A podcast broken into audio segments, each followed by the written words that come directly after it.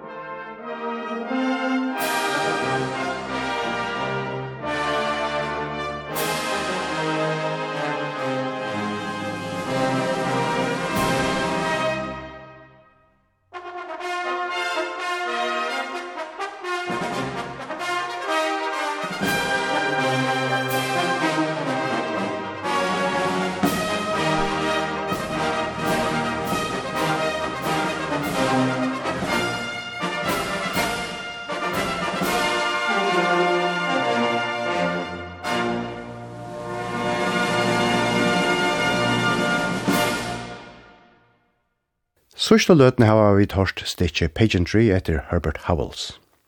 Nasta verste er eit sinder høgligere, og tyskil meira tiltalande, eller lattere lust etter. Stikje etter Joy, og er etter amerikanska tonaskalde Frank Ticelli. Det var boilagt av Tokyo Kosai Wind Orchestra, og var fyrst og fyrir framførst i 2005. Stikki er ein heiran av luftsgleie, og er skriva ui einon blandavun, modernavun og meira sibunden stuili innan blaseret håndleik. Te er University of Texas Wind Symphony som framfører under lærslu av Ron Hofstadter.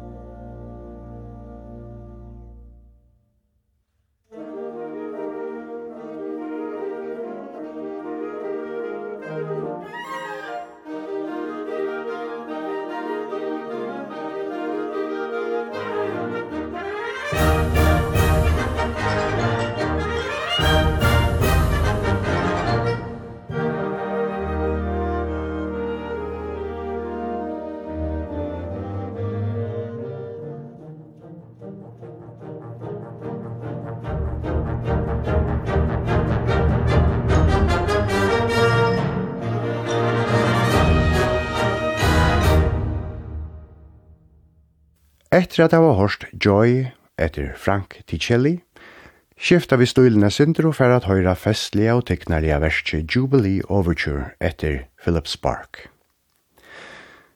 Jubilee Overture var opprunelig jeg boi lagt til altruskjøra hatjarhalte til hodnakestren Gus Brass Band og var fyrst og frer framførst til Golden Jubilee konsertene til orkestren i 1923 Det var sjøen i omskrivet til harmoniorkestru i Fyrofors. Philip Spark sier sjølver at han yngst jeg skriva eit festlet og hatujerligt versk her dentur verlegter å fenga vekurleikan og kraftina og gjennom messingedla hodnorkestru.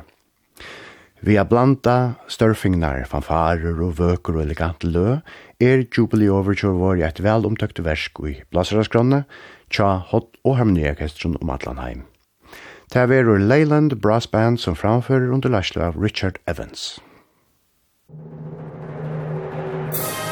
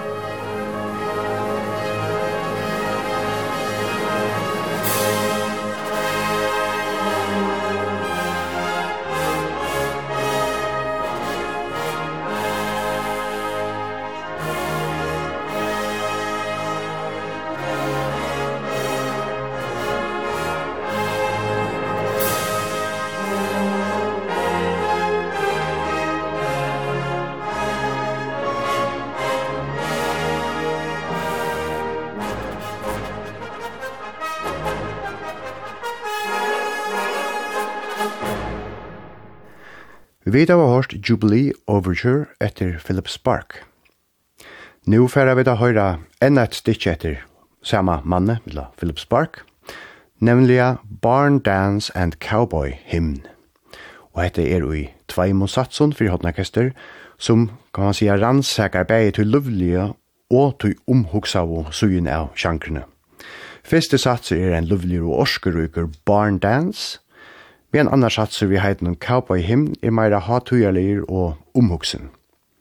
Eit flott stitje som viser okkur hvordan fjellbrøtter og donalir spark er a skriva tonleik fyrir hotnakester. Det er Vivid Brass Tokyo som framfører. Kjer så vel.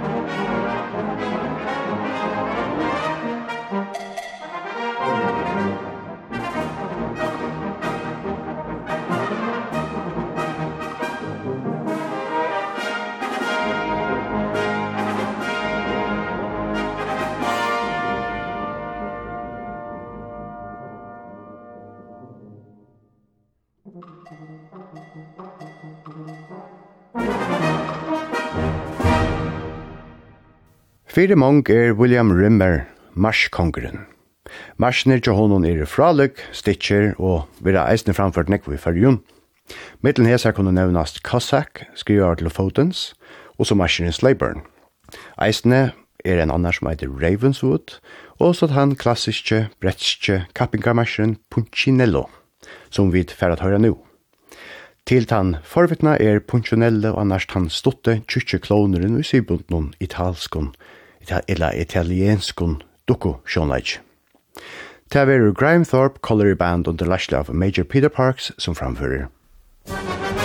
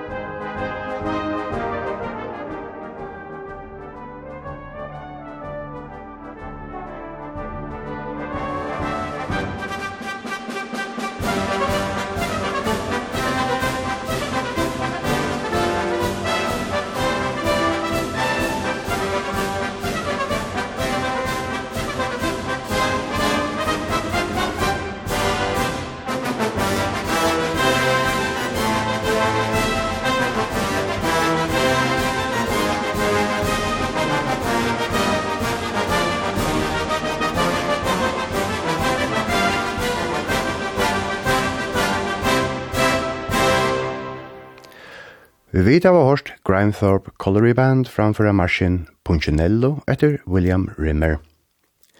Vi er det nærskast enda noen av hese bolero-sendingene, og det sørste verset vi får at høyre i det verur Amorside Suite etter bretan Gustav Holst. Verset var boilagt av BBC National Brass Band Festival Committee i 1922 til finalen i National Brass Band Championships som var helt i 28. Holst var sjolvor trombonleikare, og hei langt skriva flere versk fyrir militærorkester, men hetta var hans fyrsta versk fyrir hotnorkester. Han var sjolvor til stigar og hørte öll 15 orkestrene framføra stikki kjøsar. Det gjørdest The Black Dog Mills Band som vann kappingsina.